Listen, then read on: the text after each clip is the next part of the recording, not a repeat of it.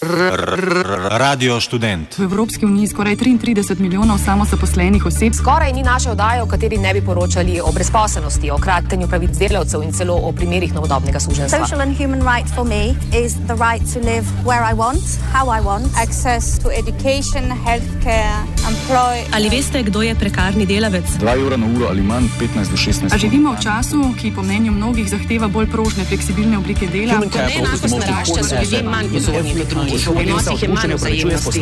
Human capital will be the key asset. Vedno več podrobnosti o kratenju pravic. Ali veste, kdo je prekarni delavec?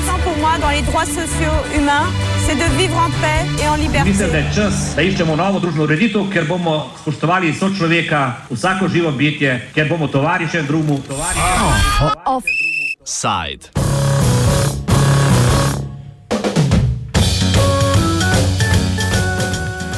Predlog zakona o socialno-varstvenih dodatkih.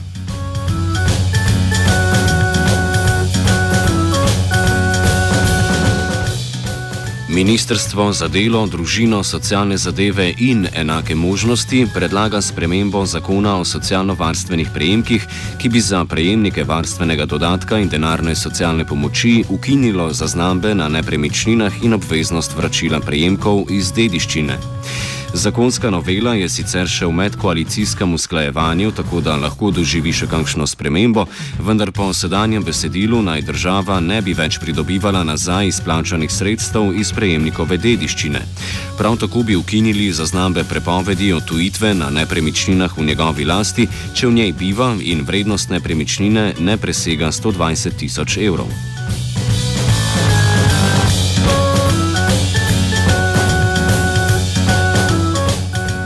Torej, če nekdo biva v nepremičnini, ki je vredna manj od 120 tisoč evrov in prejema varstveni dodatek ali oziroma in denarno socialno pomoč, njegovim dedičem ne bo treba vračati prejetih sredstev.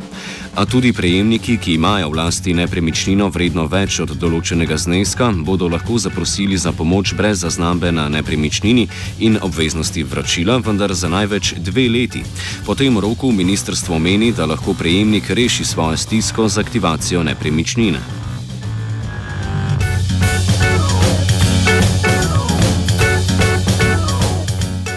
Tako se večinoma izničujejo zakonske rešitve, ki so stopile v veljavo leta 2012. Ali to pomeni spremembo paradigme socialne politike?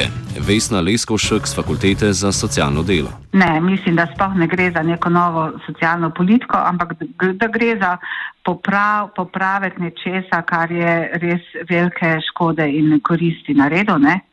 Da ne gre tle za neko menjavo paradigme, da gre za en sam ukrep, ki je tudi jabolko spora v javnosti že, že zelo dolg časa. Tako da tukaj jaz ne bi sklepala, ne bi bila prehitra v tem, da bi videla neko svetlo luč na koncu tunela.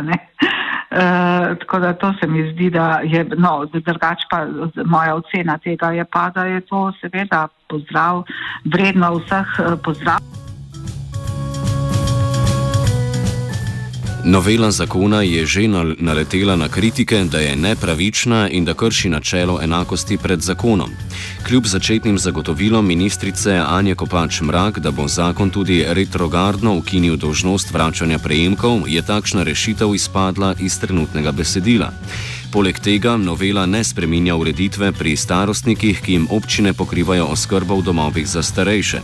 V teh primerjih se bo še vedno moralo vračati iz dediščine. Leskovšek. Tle je veliko velik nedoslednosti, ki se kopičijo čez dolga leta. Ne?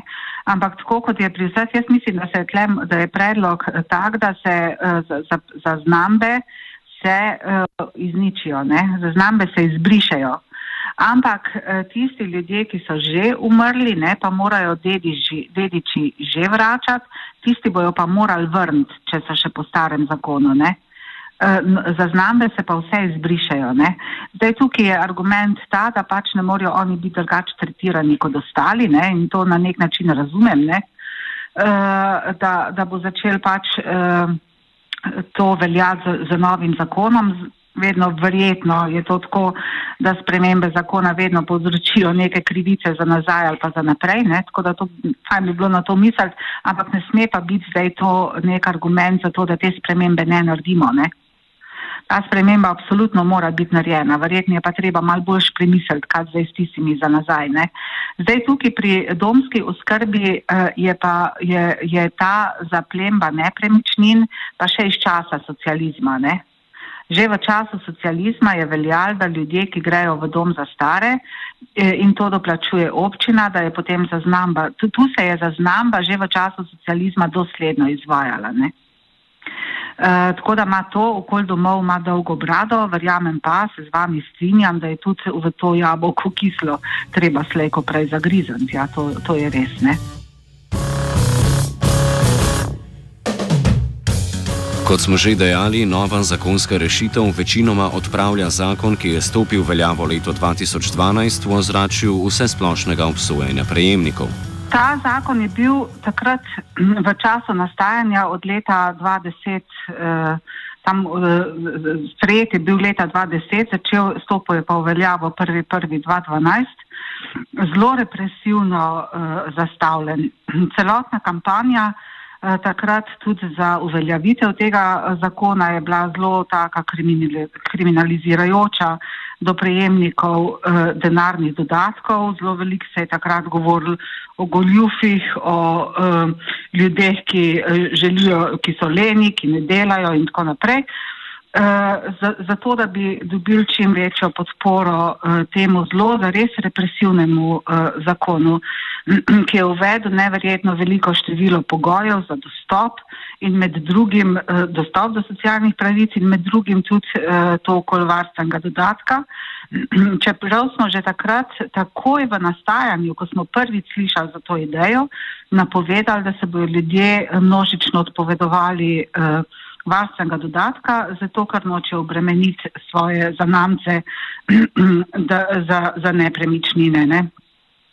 Ampak takrat nobeni uh, ugovori in, in nobene refleksije tega zakona, niti napovedi, kaj se bo zgodil, niso naletele uh, na popolnoma nobena odprta ušesa. Skratka, uh, zelo so striktno uveljavili ta represiven zakon. Uh, Zdaj ga pa počas, prve spremembe so se zgodile že 2014, so umilili, eh, recimo zvišali uh, uh, cenzus, uh, ki je potreben za, mislim, uh, zvišali vrednost nepremičnin, ne, delno zvišali vrednost nepremičnin. Uh, zdaj so pa počasi prišli do tega, da je zares veliko ljudi se odpovedalo varstvenemu dodatku in da se je revščina, pre, predvsem starejših, enormno povišala. Mi imamo zelo, zelo veliko eh, revnih starejših ljudi. Zakaj? Zaradi tega, ker pač nimajo dovolj sredstev za preživetje. Ne? Tako da po moje zdaj zaradi teh spoznanj počasi prihajajo do tega, na kar smo mi upozarjali že leta 2009-2010. Temeljna paradigma takratnega zakona je bila, da bi posameznik moral sam poskrbeti za svojo eksistenco in da bi se moral najprej nasloniti na svoje potomce pri zagotavljanju dostojnega življenja. Poleg tega so rešitev videli tudi v tem, da bi ljudje, ki zaradi nizkih dohodkov niso sposobni vzdrževati svojih nepremičnin, te aktivirali, torej jih prodali in se preselili v manjša stanovanja. Vesna Leskovšek. In to je čisto moraliziranje, ne? zelo veliko moraliziranje. Zdaj, eh, prva stvar je že to, da recimo v skandinavskih državah otroci nimajo nobenih dožnosti do staršev. Starši imajo dožnosti do otrok, otroci pa nimajo dožnosti do staršev. Eh, se pravi, da takrat, kadar starš pride v socialno stisko, otrok ni dolžan eh, za starša poskrbeti. Zakaj? Zaradi tega, ker vemo, da so starši tisti, ki si izbirajo uh, to možnost imeti otroke, otroci pa nimajo nič kaj do s tem, a se rodijo ali ne, ne, uh, ne zberejo si te svoje življenjske poti. Zato je ta obratno razmerje, se pravi skrb otrok do staršev, na nek način pervertirano. Ne. Seveda, jasno, v vsakdanjem življenju, zaradi stikov, ki jih imamo, zaradi ljubezni do staršev, ki jih imamo, med sebojno skrbimo. ampak v legalnem smislu pa v skandinavskih državah otroci niso dolžni skrbeti za starše. Ne. Mi smo ta odnos malo pervertirali in smo ga obrnili, ne, tako da tudi starši otroci morajo skrbeti za svoje starše. To je, to je prva stvar, kjer se vidi to moraliziranje, ne, češ morajo poskrbeti eni za druge. Tudi recimo eh, zato, ker otroci eh, to, to prepoznanje, da morajo otroci začeti vzpostavljati svoje lastno življenje. Ne. Eh, in da takrat, ko so uh, mladi še in, in tako naprej, ko, ko so na tej svoji poti neki, ki jo imajo čez življenje, uh, imajo premaj sredstva, da bi lahko skrbeli in zase in za svoje starše in tako naprej. uh, tako da je to v, bistvu obremeni otroke do te mere, da uh, včasih zelo težko prenesejo to skrb. Ne? Zato tudi mislim, da je to moraliziranje. Ne? Druga stvar z prodajo nepremičnin je pa bila eden od najbolj neumnih, ali kako bi rekla, ne, sprenevedavih, to je bolj sprenevedavih argumentov, v tem je pisala tudi Crna Mandič. Uh, uh, in sicer to, da so nepremičnine večine ljudi, uh, ki jih imajo, nekaj dost vredne. Eh, sploh recimo te hiše, ki so jih delali v 70-ih letih in uh, so ven iz mesta in tako naprej, nimajo, nimajo skoraj da nobene vrednosti. Uh, druga stvar je bila ta, da, bi, da so računali pri tem ukrepu, da se bo trg pocenil, ne?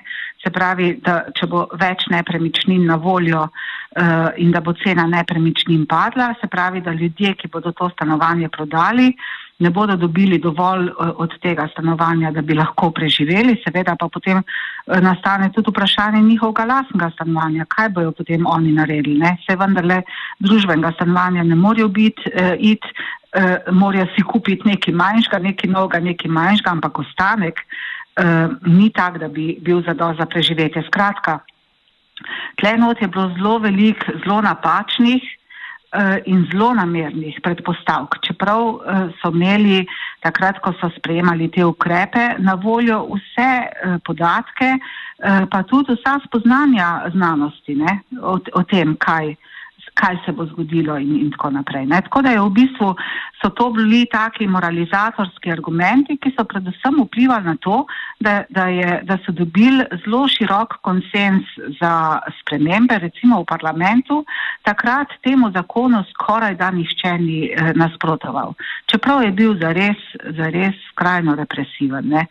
Zakaj mu niso nasprotovali? Zaradi tega, ker so zelo prisvojili, pa tudi ljudje nasploh prisvojili neka prepričanja, da gre za goljufe, ne? Da gre za navadne goljufe, da ljudje v bistvu si lahko za svojim delom uh, zagotovijo svojo lastno eksistenco. Ne? No, še, še to, ne, ta prenos odgovornosti na posameznika za lastno preživetje je pa sploh značilen uh, za take zelo rezidualne Eh, socialne politike, eh, ki, kjer država prevzame zgolj in samo minimum eh, preživetja.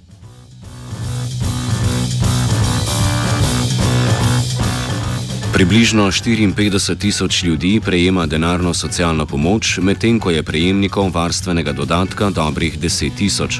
To je štirikrat manj kot leta 2012, ko je varstveni dodatek prejemalo čez 46 tisoč upokojencev. Razlog za takšen upad ne tiči samo v strahu, da bi zanamce obremenili z vračanjem pomoči, ampak tudi v to. Tokrat, oziroma ampak tudi v takrat sprejeti rešitvi, da bodo o izplačilu dodatkov odločali centri za socialno delo in ne več Zavod za invalidsko in pokojninsko zavarovanje kot do tedaj. CSD-ji so namreč po novem poleg višine pokojnine upoštevali tudi dohodke zakonca, prihranke, nepremičnine v lasti in tako dalje. To je bila ta temeljna sprememba paradigme. Ne? Dokler je bilo to na uh, pokojninsko-invalidskem zavarovanju, tam je bilo zato, ker je bilo uh, to prepoznanje, to temeljno prepoznanje, da uh, pokojnine mnogih niso dovolj za preživetje. Ne? Se pravi, da so ljudje, ki so delali bodi si celo življenje ali pa del svojega življenja, tukaj gre recimo za ženske, večinoma za ženske, ki so še po drugi svetovni eh, vojni ostajale eh, doma, ker takrat pač ni bilo razvito eh, otroško varstvo, niso mogle biti in zaposlene in imeti otroka, zato so večkrat ostajale doma. Ne? leta in leta so gospodinjile potem ne? in, in zdržvale uh, um, družine in tako naprej. In potem so šle delati takrat, ko so otroci šli od doma ali pa ko so otroci šli v srednjo šolo in tako naprej so se zaposlile. uh, in uh, ko so se upokojile, niso imele dovolj let, da bi imele neko vljudno penzijo, neko dostojno penzijo. Ne? In varstveni dodatek je bil zraven neko prepoznanje, da so ti ljudje, kljub temu, da niso imeli dovolj delovnih let, vendarle za družbo upravili neko pomembno delo. Namreč skrbniško delo doma uh, je v bistvu družbeno delo in mora biti prepoznano kot družbeno delo. Zaradi tega, ker ženske to ne delajo uh, zaradi svoje narave uh, dobre ne, in tako naprej, ampak se odpovedujejo pomembnemu, pri, pomembnemu javnemu delovanju, zato da lahko skrbijo za družino. Seveda vas tem opravijo za družbo zelo veliko koristnega dela. In varstveni dodatek je bil neko prepoznanje vsega tega. Ne? Zato je bil viden kot pokojnina, kot del, kot del pokojnine, ne pa kot neka denarna pomoč. Ne? Ampak del pokojnine. No, in s tem, ko se je to preselilo, potem, in, in ravno, ne ko se je preselilo, ampak ta uh, snovalci tega zakona o socialno-varstvenih uh, prejemkih so ravno to pervertirali. Ne? Oni so to čist uh, pozabili. Tega sploh niso hoteli upoštevati in so definirali varstveni dodatek zgolj in samo kot denarno pomoč, ne kot del pokojnine. Ne? Ampak neko denarno pomoč, ki jo nekdo za starost dobi. Ne. Zato je potem šlo to tudi iz pokojninske blagajne, ki so jo kao prečistili vseh odvečnih eh, denarnih dajatev, ne. je šlo to na centre za socialno delo, ampak eh, seveda po istem zakonu, kot vsi ostali eh, dodatki. To, to je bilo bistvo. Offside je pripravil Dejan. And that's the end of this BBC News.